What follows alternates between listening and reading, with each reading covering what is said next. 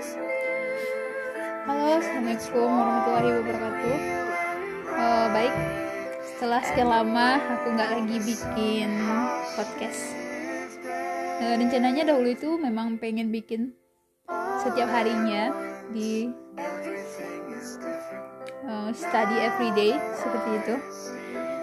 Tapi berhubung karena jadwalnya um, mungkin aku yang belum bisa jadwalin tapi aku sekarang berusaha untuk bisa lagi. Ya aku menganggap ini sebagai suatu proses aku. Dan aku menyadari kalau untuk berubah itu nggak mudah butuh proses. Dan memang benar-benar harus dipaksain gitu. Sekarang aku lagi dengerin uh, Reso ya. Ya hari ini aku lagi mau baca buku yang berkaitan sama seni semua orang remaja ya. Aku mau bahas yang berkaitan dengan um, perkuliahan aku tentunya.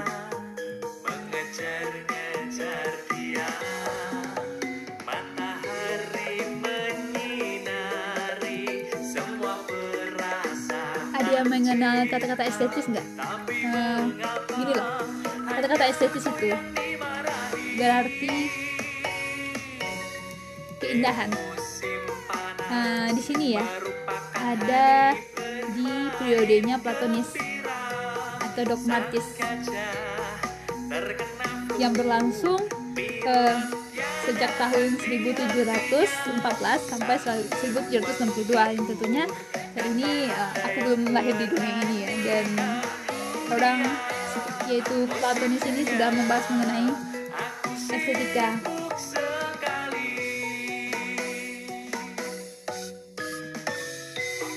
Estetika itu disebut juga dengan suatu ilmu atau filsafat mengenai keindahan. Jadi kalau kita berbicara tentang estetika, berarti kita membahas tentang sesuatu yang disebut dengan keindahan seperti itu.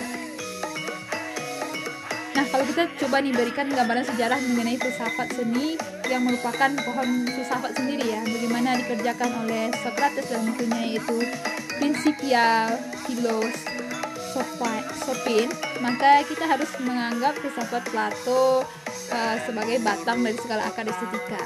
Ketiga orang besar di antara ahli filsafat Yunani yang meletakkan fundament pertama tentang estetika yaitu Socrates, Plato, dan juga Aristoteles jadi mereka ini nih yang jadi peletak batu pertamanya mengenai estetika ini mengenai ilmu mengenai keindahan seperti itu ya. Oke kita lanjut lagi. Nah Socrates ini uh, adalah seorang perintis. Uh, Aristoteles ialah penerus dari Plato. Jadi Aristoteles ini memiliki guru yang gurunya itu adalah Plato. Jadi otomatis ya dia akan uh, meneruskan pemikiran-pemikirannya dari dari Plato tentunya ya. Yang juga terkenal dengan dewa estetika katanya sih begitu.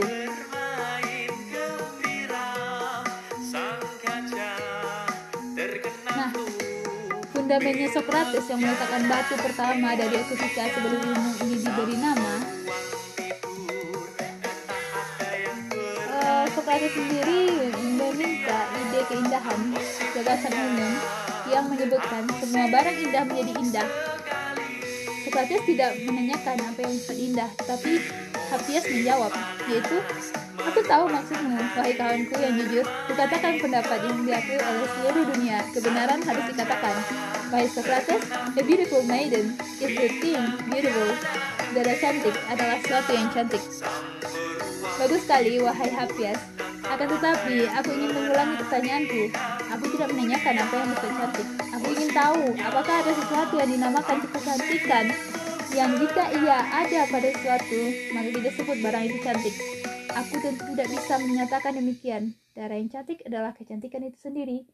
Jika ia pada sesuatu, maka barang itu berhutang kecantikannya daripadanya.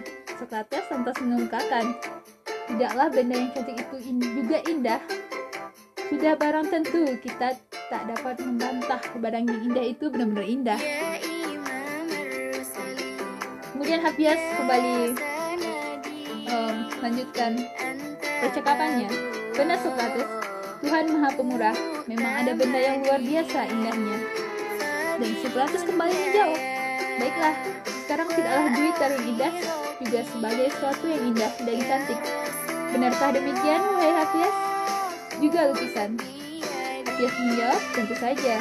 Bagaimana pendapatmu tentang belanga yang indah? Apa ia juga sesuatu yang indah? Dan Hafiaz menjawab, indah, terutama kalau dibuat oleh orang yang ahli, halus, bundar, dan cukup matang terbakarnya.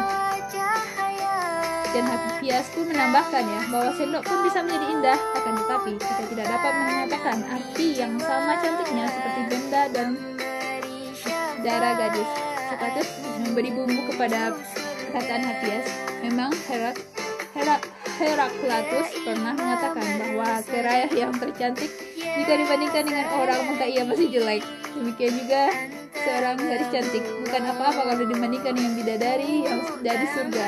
Sebagaimana orang yang paling arif bijaksana bilang, e, sebagaimana ya, bila seorang yang arif bila bijaksana dibandingkan dengan Tuhan, tentulah tentu masih tampak kera ada dalam segala hal akan tetapi kita kembali kepada what the beautiful is. Apa sih kecantikan? Ibaratnya uh, kalau seorang yang ada bijaksana kita bandingkan dengan Tuhan itu itu akan sangat jauh gitu. Loh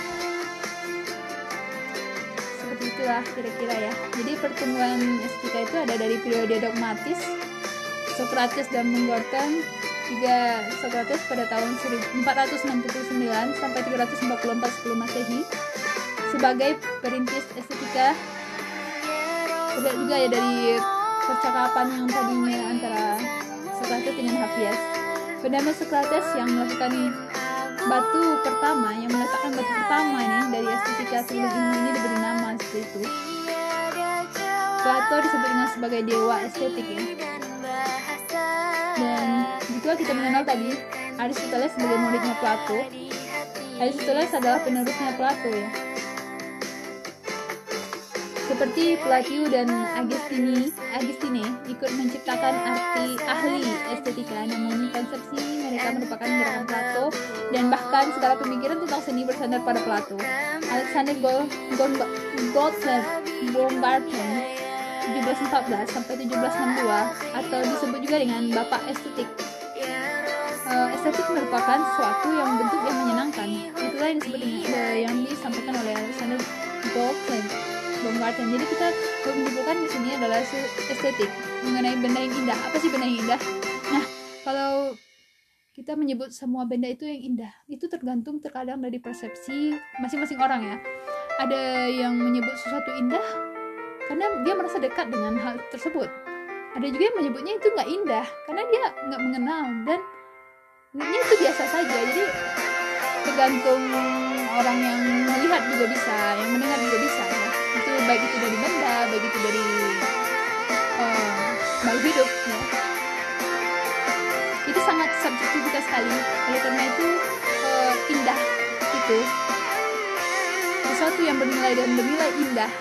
Alangkah baiknya jika itu memiliki takaran dan ukuran dan juga nilai-nilai estetik yang bermakna begitu sehingga dia bisa dibedakan dengan barang-barang yang indah lainnya seperti itu indah biasa dengan indah yang memiliki nilai estetik dengan indah yang memiliki makna di dalamnya. Jadi sesuatu indah dalam karya seni adalah sesuatu yang bermakna